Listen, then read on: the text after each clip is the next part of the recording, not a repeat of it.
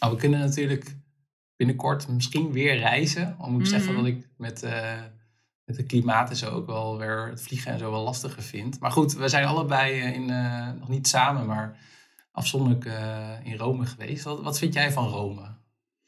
Ja, mooie stad. Wel ook veel rommel en chaos. Maar het heeft ook wel echt hele mooie plekken. Ik ben er in 2017 voor het eerst geweest. Dus eigenlijk ook niet eens zo heel lang geleden. Met een goede vriend van mij.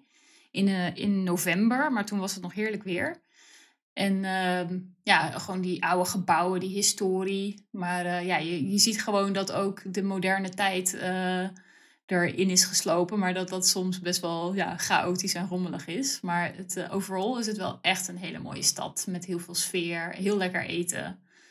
En natuurlijk ook het Vaticaan, Sint-Pieter is echt heel indrukwekkend. Ja, ja. Ja, toen ik er, we gaan het zo meteen hebben over wat ik daar deed, maar ik was er in 2019. En eh, ik vond, eh, ik was toen net wat te laat om in de Sint-Pieter, want dan kun je ook omhoog, hè? Ja, wij Ja. zijn er toen omhoog gegaan. Ja, Ja. ja. Nee, ik vond sowieso die hele, die hele ehm, zaal, wat ik zeg maar, dat hele plein echt heel, heel imposant. Ja. En ik vond die Trevi-fontein, dat, Ja. dat was echt zo druk. Dat was echt, eh, Ja, ja, precies. dat was ook echt, en die rivier ook, vond ik ook best wel, ja, het heeft wel echt, is inderdaad wel rommelig, maar dan, dan ga je weer een hoek om en dan denk je van, wow, wat, wat mooi is het, eh, is het hier. Precies, ja. Het heeft echt heel veel parel- pareltjes. Ja. Ja. En ik vond het echt heel gaaf, gewoon eh, de goede koffie en de espresso's. En, Ja, het lekkere eten. Lekker oh, eten. heerlijk. Ja. Nou, nu krijg ik wel zin om weer te reizen. Ja, ja, nou misschien eh, binnenkort weer eens. ja, Dan samen. precies.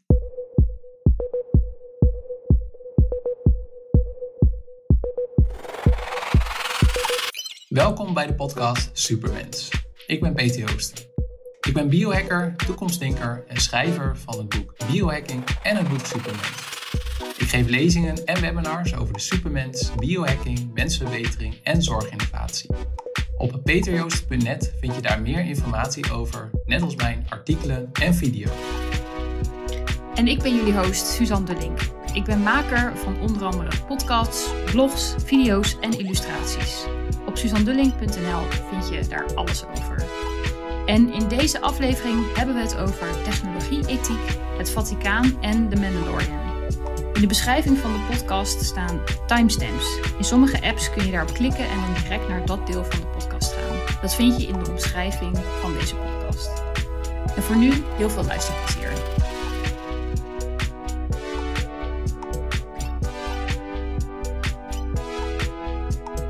We beginnen vandaag weer met de Backstage Pass. En dan beginnen we altijd met een zakelijk punt. Wat wil je graag eh, benoemen? Nou, ik had echt wel een leuk verhaal. En, eh, dit keer is een zakelijk verhaal. Mhm. Want eh, ik mocht een webinar geven bij TSN Thuiszorg. En nou, hoe dat dan meestal gaat, is dat ik een, een mailtje krijg. En in dit geval van Simone en Janine, van, ja, die daar de opleidingen doen en de evenementen. En die hadden mij dus gevonden. En die hadden gezegd, van, nou, we hebben aantal mensen. En eh, nou, jouw profiel sprak me wel het meeste aan. Eh ons wel het meeste aan. En toen hadden ze dus een eh, overleg met mij, gewoon online. En, en toen vroegen ze van, ja, ja, en ken je TSN Thuiszorg? En toen waren ze op het einde van het gesprek helemaal verrast.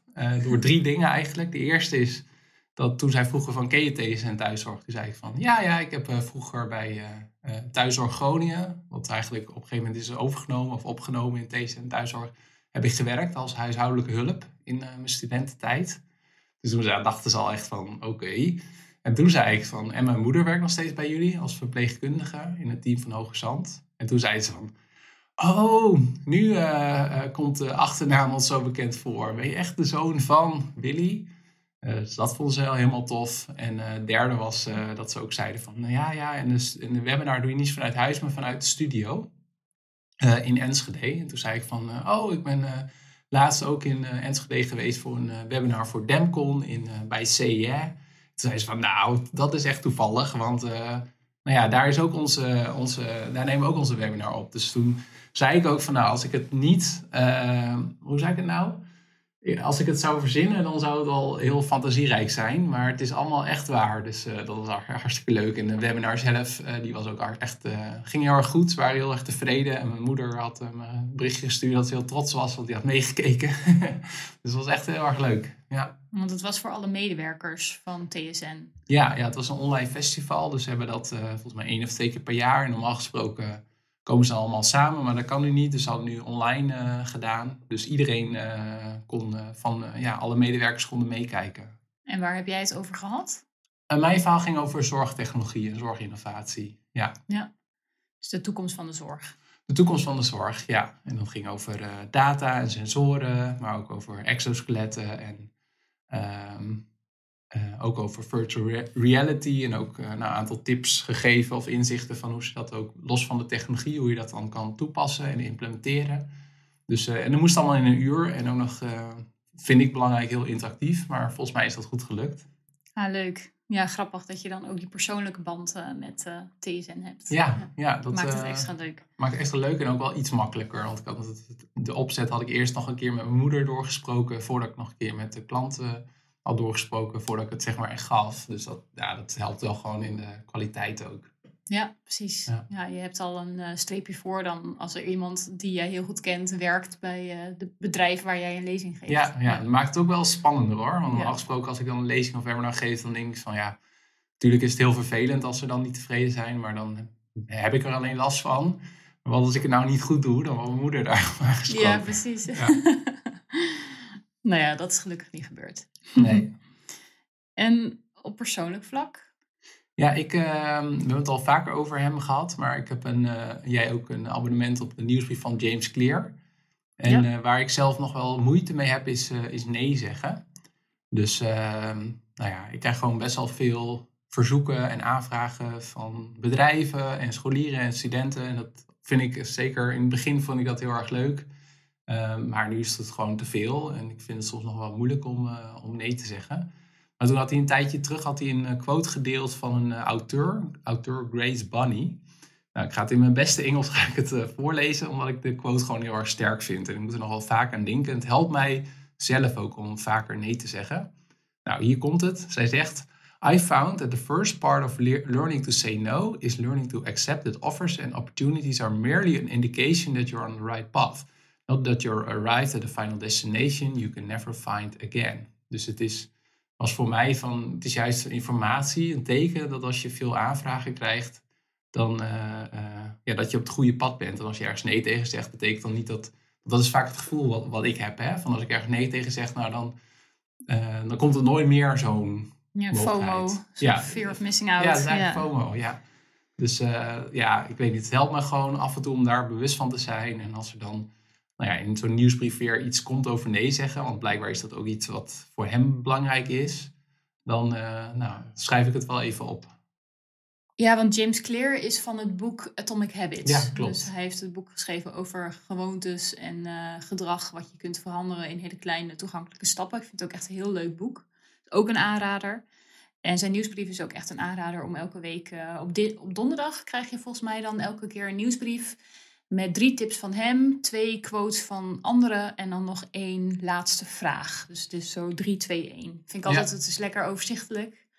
Ja. En uh, ik vind er zit altijd waarde in. Ja, ja. absoluut. Ja, ik vind ook wel een, soms een inspiratie voor mijn eigen nieuwsbrief. Voor, die is altijd best wel lang, maar die van hem is gewoon lekker kort. Precies, ja, kort maar krachtig, absoluut. En zijn er dingen waar je op dit moment uh, mee bezig bent? Nou, de vorige, een van de vorige podcasts hebben we gehad over mijn artikel over cyborgs. Nou, die ligt nu bij iemand die het uh, checkt op taal en spelling. Dus dat gaat hopelijk uh, binnenkort uh, online staan. Dus nou ja, als je geabonneerd bent op mijn nieuwsbrief of social media, dan zie je dat wel voorbij komen. Maar ik ben nu dan weer bezig met een volgend project. Dat gaat over brain-machine interfaces. En wat wel leuk is, is ja, ik heb het pakketje nog niet uitgepakt, maar ik heb een pakketje uit Parijs gekregen van het bedrijf NextMind. En die maken dus een portable brain computer interface. Dus dat betekent dat ik een uh, soort van sensor op mijn hoofd kan zetten. Um, ja, waarmee ik dan waarschijnlijk ook bepaalde spelletjes kan doen. Of misschien ook dingen kan aansturen op mijn laptop. Nou ja, dat, uh, dat ga ik allemaal uh, testen en ervaren. En ik wil er dan ook een, een video van maken. En wat is het? Brain-machine interfaces? Nou, dat betekent dat je eigenlijk niet meer, nou, uh, op het moment dat je nu wil iets wil intypen of zo, doe je dat met je vingers of uh, met je duim of spreek je tegen je, je mobiel. En brain-machine of brain-computer interface die gaat er dan over, kun je ook met je gedachten of dat je denkt aan een bepaalde actie en dat het dan ook wordt uitgevoerd. Dus het is eigenlijk nog snellere vorm van, van communiceren. En ik geloof wel dat het de toekomst is. En daarom wil ik het graag testen. En tegelijkertijd, maar dat komt ook wel mijn artikel aan bod, is het ook wel dat ik denk van ja, je, de, je, de, hoe meer je zo, hoe meer bedrijven ook weten over je brein en gedachten, is het natuurlijk ook wel heel erg dystopisch en spannend. Dus, uh, ja, precies. Kunnen ze gedachten gaan lezen? De, ja. Ja, of is het puur en alleen voor de toepassing waarvoor je het gebruikt? Ja, ja. Nou ja, het verleden wat dat betreft belooft niet veel goed. Want heel veel technologiebedrijven zeggen dat ze data gebruiken voor toepassingen. Maar het wordt dan ook weer gebruikt door, uh, ja, om dingen aan ons te verkopen. Of door overheden om ons... Uh... Ja, en heel veel randdata wordt ook gewoon verzameld. Hè? Alleen al het, hoe snel je scrolt bijvoorbeeld. Of uh, welke spelfouten je vaker maakt. Dat is helemaal niet zo uh, relevant, denk je dan. Maar al die data wordt verzameld door Facebook en zo.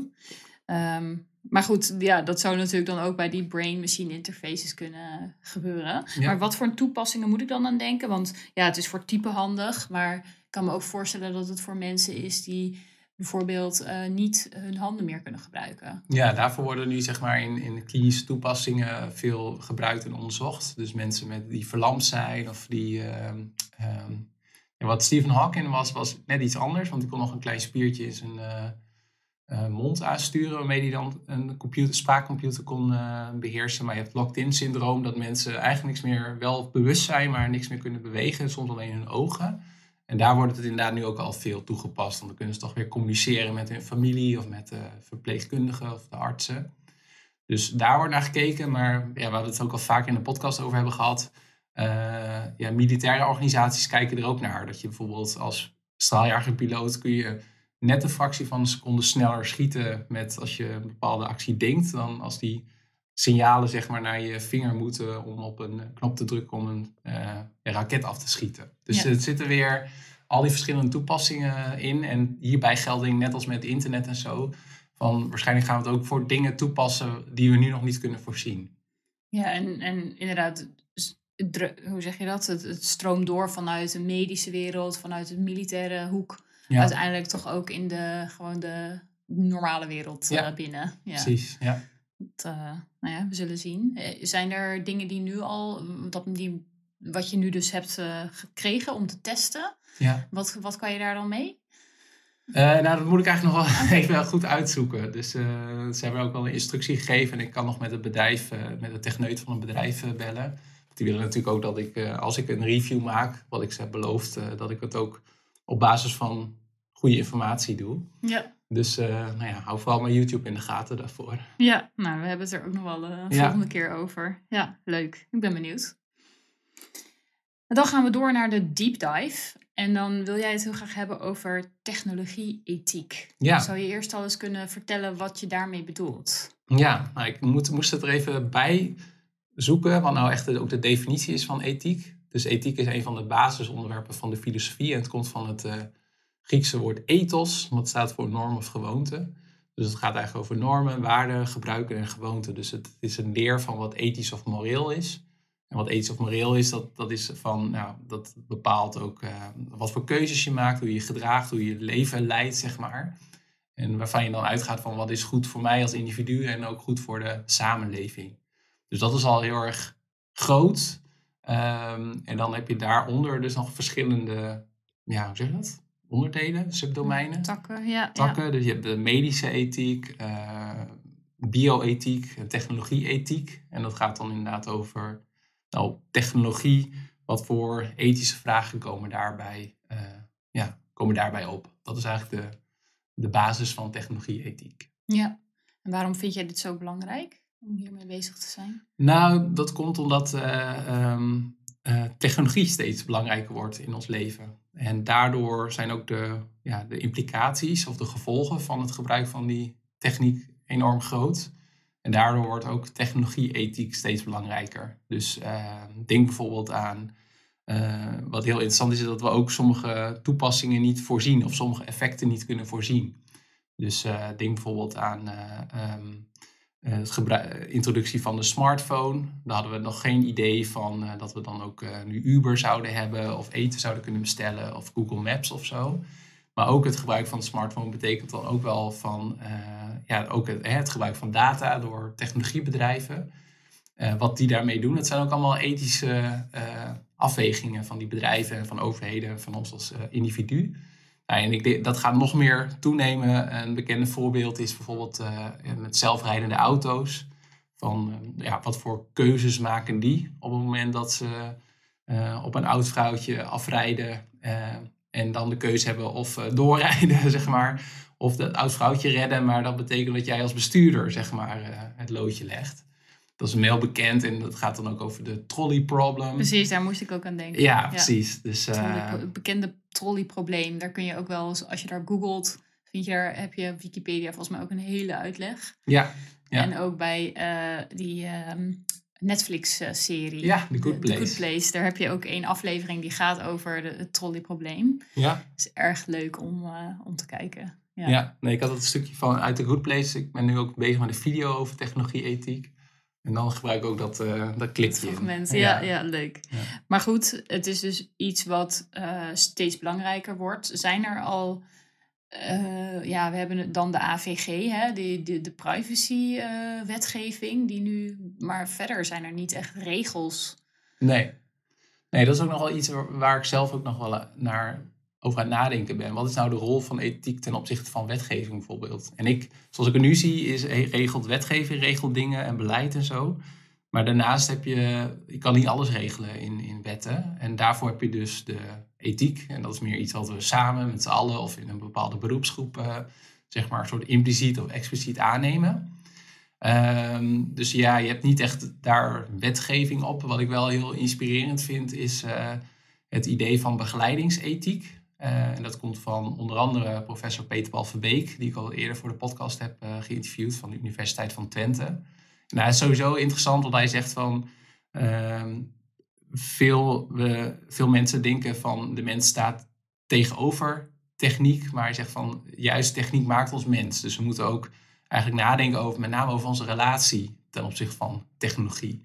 En zij hebben dus de methode van begeleidingsethiek ontwikkeld. Um, nou, dat is een hele methode voor, maar wat ik vooral belangrijk vind is dat ze een aantal dingen. De eerste is bijvoorbeeld dat ze zeggen van het gaat niet over de vraag van moeten we een bepaalde technologie willen of niet, ja of nee, maar het gaat meer hoe gaan we het gebruiken en hoe, op welke manier. En ook bijvoorbeeld, een ander onderdeel wat me heel erg aanspreekt, is dat ze zeggen van we moeten ook dan kijken naar welke waarden worden dan aangetast of veranderd door die technologie. Dus als je het uh, hebt over die zelfrijdende auto's, wat betekent dat dan voor de autonomie van uh, de bestuurder? Of ehm, wat betekent dat dan voor de veiligheid? Wat betekent dat dan voor de solidariteit? Als bijvoorbeeld bepaalde mensen wel zo'n auto kunnen besturen of rijden en anderen niet. Dus zijn allemaal. Dus, en het derde wat me heel erg aanspreekt is dat ze binnen die methode zeggen van het moet niet alleen een gesprek zijn van experts, maar juist ook van gebruikers. Ehm, dus daar zit ook een hele facering in en model in. Maar ja, ik vind wel dat soort methoden kunnen heel erg helpen. Want, ehm, ehm, want je kunt het ook inderdaad institutionaliseren, dus in wetgeving. Of er is ook een bekend voorbeeld dat Google had ook een ethics council. Uh, maar die stopte er ook na een eh, week al mee. Want dat is dan toch een. Dus je, net als je met duurzaamheid heb je ook greenwashing. Nou, er wordt ook wel eens gesproken over een soort van ethics washing. Dus dat je als bedrijf laat zien dat je heel ethisch bent. Maar wat zijn dan ook de, hoe zeg dat, de verantwoordelijkheden en mogelijkheden van zo'n iets, van zo'n advies, adviseur of zo? Dus ja, het blijft, het is belangrijk, het blijft belangrijk. En ik, uh, uh, dus het, het, zal meer zitten in, in hoe wij als gebruikers omgaan met technologie. Hoe de ontwerpers, de ingenieurs, de ondernemers, de techneuten daar allemaal ja, eigenlijk mee... Uh, ja, dat die dat in hun achterhoofd hebben. Van niet alleen nadenken over de technologie, maar met name ook van wat zijn nou... Hoe gaan gebruikers het gebruiken en wat zijn dan ook andere gevolgen daarvan? Ja, maar dat is inderdaad zeker uh, belangrijk. Waar ik dan ook nog aan moet denken is dat het dan nog wel een stuk transparanter mag uh, allemaal. Hè? Als je nu uh, Google gebruikt, dan weet je eigenlijk ook niet precies wat er gebeurt. En als je dan bijvoorbeeld een dienst van hun uh, gebruikt zoals Gmail, dan ga je akkoord met de voorwaarden. En nou ja, niemand die natuurlijk al die voorwaarden gaat lezen. Ja. Maar dat, ja, je gaat wel akkoord met, met wat ze daar allemaal opschrijven. Ja. Dus dat zou denk ik heel erg helpen als dat nog transparanter wordt. Als je weet waar je eigenlijk akkoord op geeft. En ja. dat dat gewoon veel ja, duidelijker wordt. Ik denk dat die transparantie uh, heel erg gaat helpen voor gebruikers in ieder ja. geval. Ja, ja. Nee, goed punt. Ja. Transparantie kan al inderdaad al helpen dat je weet inderdaad wat er bepaalde ja, beslisstructuren zijn achter een bepaalde keuze of zo. Of ja, werking. Ja, ja nou ook bijvoorbeeld bij het gebruik van zo'n zo'n uh, zelfrijdende auto. Dat je ook weet uh, wat voor keuzes die maakt ja. in bepaalde gevallen. Ja, precies. Ja, dat je wel, hè, ja, je weet het achter. Het is natuurlijk lastig, want we verwachten het wel van een, van een machine, maar van mensen uh, weet je ook op dat moment niet wat je doet. Nee. Dus uh, ja. ja, en dat verschilt ook weer per persoon. En, ja. dus, ja. Maar goed, hè, be, zeker technologiebedrijven kunnen heel invloedrijk zijn. Dus het is wel belangrijk om hierover na te denken. En, ja. Zijn daar bepaalde uh, instanties voor die daar wel mee bezig zijn? Of Oef, voor nee, het weet? dat uh, durf ik eigenlijk niet te zeggen. Niet dat ik zo weet. Dus het is wel, het wordt, je ziet het wel steeds meer in de media opkomen. En, en, en collega futurologen, futuristen, trendwatchers, die benoemen het ook wel steeds vaker, merk ik. Um, maar aan de andere kant is het risico daarvan dat het ook wel een soort van losse woorden blijven. Mm -hmm. Um, en je hebt wel bijvoorbeeld rondom kunstmatige intelligentie heeft de Europese Unie wel een soort van ethische richtlijnen opgesteld. Maar ik weet niet wat de status daarvan zijn. Of dat advies is of al echt uh, als je niet aan, aan, aan, vasthoudt of zo. Als je niet doet dat je dan flinke boete moet betalen. Dus uh, nee, dat vind ik wel een goede vraag. Dan moet ik nog even ja, nee, nou ja, misschien is het er ook gewoon nog niet. Dat kan natuurlijk, ja. ja.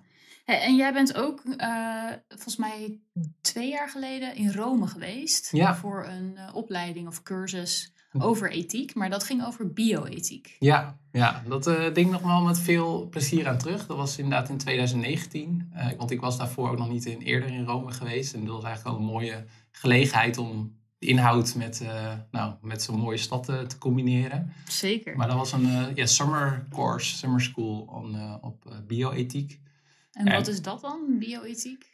Ja, dat gaat eigenlijk om ethische vragen als het gaat om, om uh, biotechnologie. Dus dan kun je bijvoorbeeld denken aan, uh, uh, het, gaat, ging daar bijvoorbeeld over in vitro fertilisatie, dus reageerbuisbaby's. En dan wat is dan ook de ethische status van embryo's die bijvoorbeeld niet worden gebruikt in het onderzoek. maar het ging ook bijvoorbeeld over meer transhumanistische ideeën, van wat als we dan ook embryo's genetisch kunnen bewerken. Of het ging ook over neuro ethiek. Dus wat als we inderdaad kunnen, waar we het net over hadden, het brein kunnen aflezen of kunnen ingrijpen in het brein. Dus het gaat meer over ja, de, ja, de biologie, biotechnologie. Ja, want ook moet ik ook denken aan genetische modificatie natuurlijk. Ja. Hè? De, hoe ver gaan we daar op een gegeven moment in? Ja. Uh, dat we kunnen gaan beslissen van uh, bij, uh, voor de geboorte al welke genen er wel en niet in een baby zitten. Of, ja. Nou ja, Precies, ja. Het gaat steeds verder natuurlijk. De mogelijkheden zijn er steeds meer, maar de vraag is of we die ook willen gebruiken. Ja, ja. En wat nog wel leuk is om te vertellen over die cursus, is dat, eh, dat die werd georganiseerd door een universiteit. Die was gelieerd aan, het, eh, aan de katholieke kerk, aan het Vaticaan. Dus ik had vooraf had ik ook een bericht gestuurd van eh, ik ben zelf niet gelovig. Ik ben agnost atheïst. Hoe, hoe zit dat? En toen had hij teruggemaild van die professor van nou we uh, vinden het juist leuk dat er mensen vanuit verschillende perspectieven aanwezig zijn. Uh, maar uiteindelijk was ik eigenlijk de enige die een beetje aan die kant zat. En voor de rest waren dus ook mensen die zelf geïnteresseerd waren, maar wel vaak vanuit een katholieke achtergrond. En ook een hele aantal priesters waren daar, die dat als soort van, ik weet niet hoe dat werkt, een soort van opleiding, bijscholing daarin doen. En wat dus wel heel leuk was, is dat sommige lessen waren in het Italiaans en sommige in het Engels. En we hadden dan achter in de klas zat een vertaler. En die werkte gewoon de hele week, elke dag van 9 tot 5 door. En die moest dus de hele tijd switchen. Want was dan de, docent Italiaans. Dan, was hij, dan zette ik een microfoon op. En nog een aantal andere mensen die geen Italiaans uh, spraken.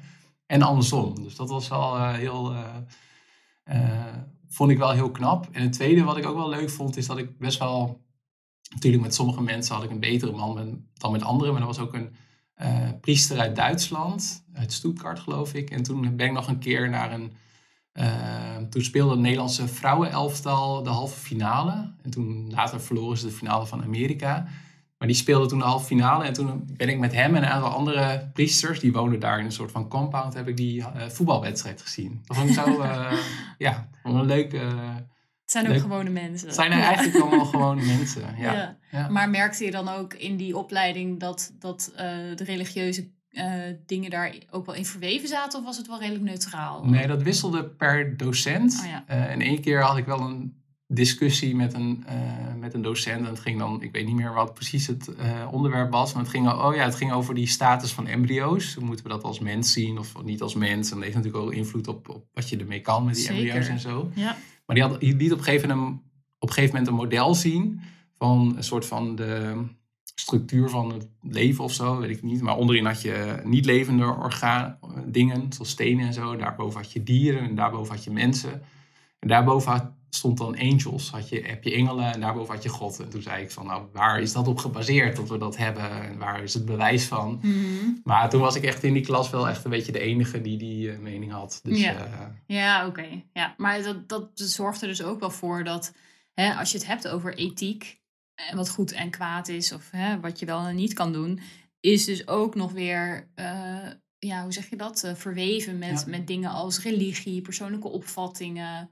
Uh, ja, dingen misschien uit bepaalde culturen. Dat, Zeker. Um, ja. ja. ethiek is ook niet neutraal. Nee. En, en verschilt per, per persoon, per cultuur, per land, per... Nou, en ook per tijd. Per tijd ook vooral. Ja, dat is natuurlijk ook heel erg veranderd. Dat we, zoals IVF, dat uh, mocht eerst misschien helemaal niet, maar nu is dat heel normaal geworden. Ja, ja toen nog voordat de eerste baby werd geboren, Louise Brown in 1978, toen was de meerderheid tegen, want het, uh, ja, het krijgen van kinderen, dat is iets waar, waar God invloed op heeft en daar moet je niet mee ja. spelen.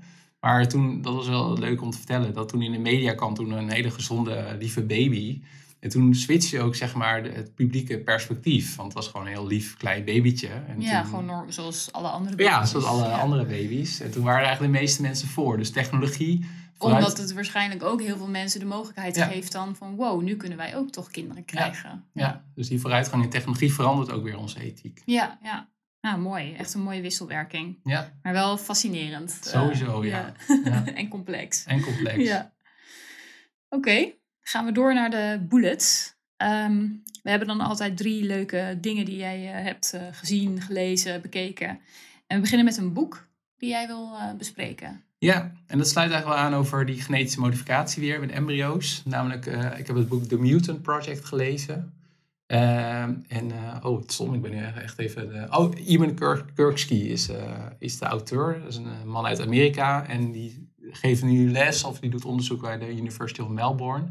En ik heb hem ook geïnterviewd voor mijn uh, YouTube-kanaal uh, over zijn boek.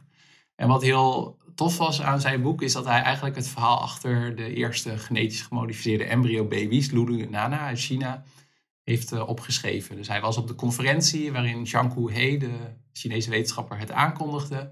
Hij is vervolgens ook nog naar het dorp geweest waar Zhang He is geboren en getogen. En heeft allemaal ja, gesprekken gevoerd met mensen die ook dicht bij het onderzoek zijn betrokken.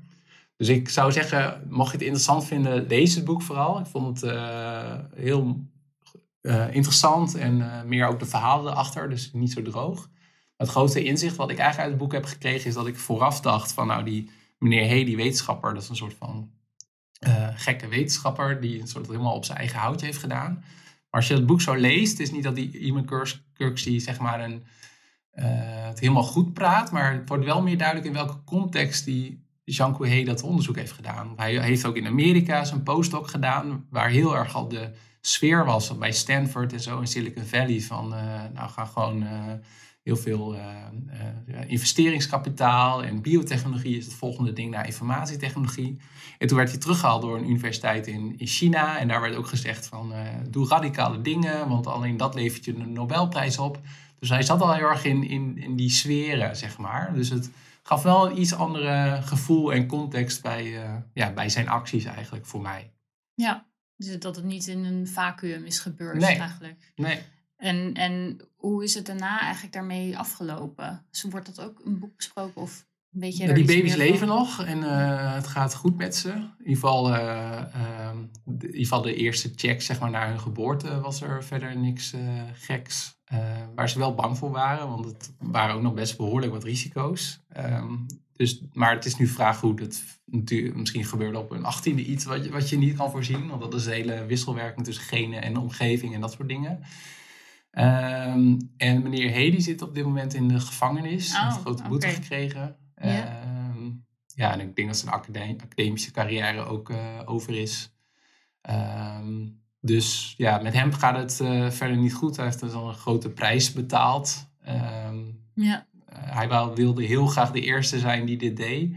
Nou, dat is hem gelukt, maar hij heeft hem toch ja, minder lof opgeleverd dan hij had vooraf had eh, gehoopt of verwacht misschien. ja, maar goed, je weet maar nooit wat er in de toekomst weer gaat gebeuren met dit eh, project. Of hè, dat er Ja. toch eh, misschien in andere laboratoria wel alweer verder onderzoek wordt gedaan. Of, Ja, eh, nee, dat gebeurt. Ja, dat, in eerste instantie, waar we het net ook eerder al helemaal in het begin over hadden, wordt er wel gekeken van, kunnen we het in bepaal, bij bepaalde aandoeningen in eerste instantie doen? En Ja, dan is het ook weer precies. de vraag van, nou, waar leggen we weer de grens? Dat heeft ook weer te maken met ethiek en zo. Dus nee, dat, dat gaat wel gewoon door. Ja. Ja.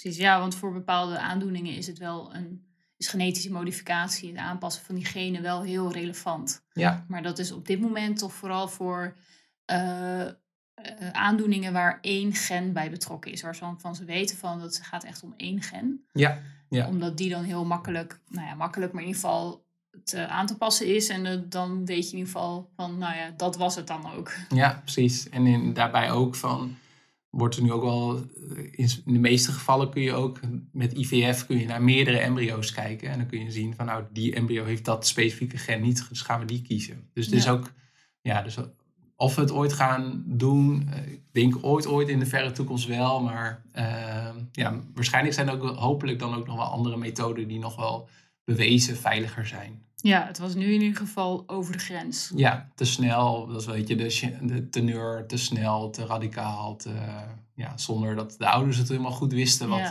eh, en de kinderen, en de kinderen die- hebben natuurlijk daar geen ja, niks dat eh, is helemaal ook interessant. Die, over te zeggen. die, hebben er helemaal, ja, die konden er nog niks over zeggen. Nee, Ja. nee, precies.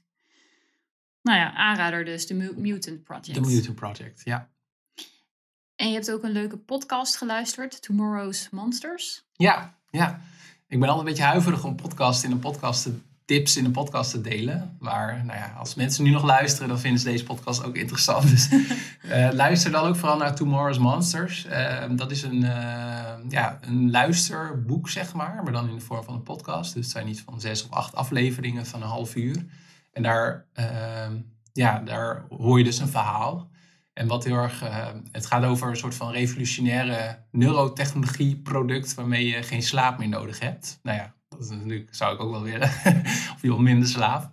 En, eh, eh, eh, en een van de hoofdrolspelers in die serie is John Boyega. Die, en hij is ook de zwarte acteur in de laatste, de meest recente Star Wars films. Dus Ja. Ik weet zo niet meer zijn naam in de films, maar Nee, nee, hij is een beetje. eh, hij was een eh, zo'n trooper en toen is hij Ja. over. overgegaan naar ja. de goede, zeg ja, maar. ja, maar het is, ja, het is verder, denk ik, voor het verhaal als iemand anders dat had gedaan. Maar dus die, die productiemaatschappij. Ik vraag me ook af- af hoe ze hun geld verdienen trouwens. Maar die eh productiemaatschappij die doet heel veel wel met hun promotie en marketing. Van, met John Boyega. En, Ja, eh, precies. Ja. Ja, en het was ook echt wel een. eh, ik vond het wel een leuk verhaal. goed gedaan. En ja, ze maken ook gebruik van die effecten in luisterboeken. Dus niet alleen dialoog, maar soms hoor je ook sirenes en dat soort dingen. En ja, ik vond het wel een aanrader. Ja, Leuk om te luisteren. ja zeker. Ja.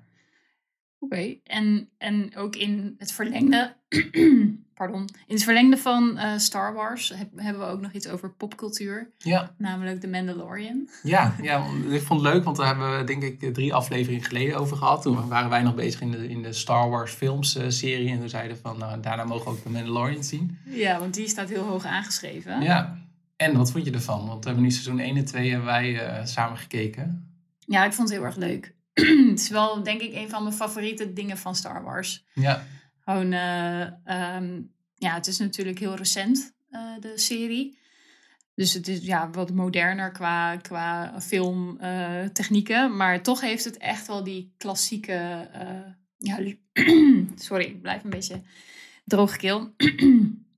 Ehm, het blijft echt heel erg die look en feel hebben van Star Wars. Ja, Dus ook de, op de schermpjes is het nog steeds, eh, hè, in die vliegtuigen en zo, nog steeds zijn dat die oude beeldschermpjes en, eh, uit de jaren zeventig. Dat vind ik echt heel erg leuk. ja, En ook sowieso het verhaal is echt heel erg ja, leuk. Ja. Ik ben natuurlijk groot fan van, van eh, Baby Yoda. Oh ja. ja. Ja, sowieso wel ook goede acteurs, vond ik. Want je hebt ook die, nou god, die van Narcos en eh, natuurlijk Breaking Bad. eh, eh, de Hermanos Pal Palos. Pollos Hermanos, ja, ja. Gian, Giancarlo eh, Esposito. Ja. Esposito, ja. En ook wel badass vrouwelijke acteurs die een grote rol hebben. Dus dat, ja, ik vond het, en, en ja, ik vond het verhaal sterk, maar je hebt ook, ook de, de sets en zo. En vond het echt, eh, Het zijn wat kortere afleveringen, Ja. 30 minuten. dat vind ik ook wel lekker soms. Ja, Precies, ja, en er zijn zoveel dingen van Star Wars. Je, ehm, je kunt het ook loskijken, eh, in principe, maar het is wel heel erg leuk om ook de films te hebben gezien. Dan ja geeft iets meer context. geeft het meer context, omdat ze naar bepaalde planeten gaan en dingen uit de geschiedenis en zo van de, van de Star Wars eh, universum. Dan Ja. ja. maakt het leuker. Dus ja. wij hebben echt sinds januari alle, zijn we gewoon begonnen met alle films, want ik had dus nog nooit wat gezien. Jij misschien één of twee Ja. of zo. Eén of twee films.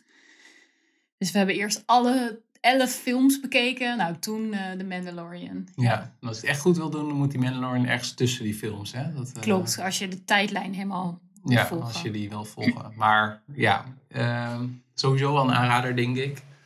En eh, goed gemaakt, leuk. Eh, ja, Het is wat lichtere science fiction. In Ja. de zin van eh, het, hè, het is niet dat je het hebt over hele zware onderwerpen. Over genetische modificatie en ethiek en allemaal dat soort dingen. Maar het is meer de good guys en de bad guys. En gewoon het idee van andere planeten en eh, Ja. ruimtereizen. en ja. een schattige baby Yoda. ja, precies. Altijd leuk. Ja.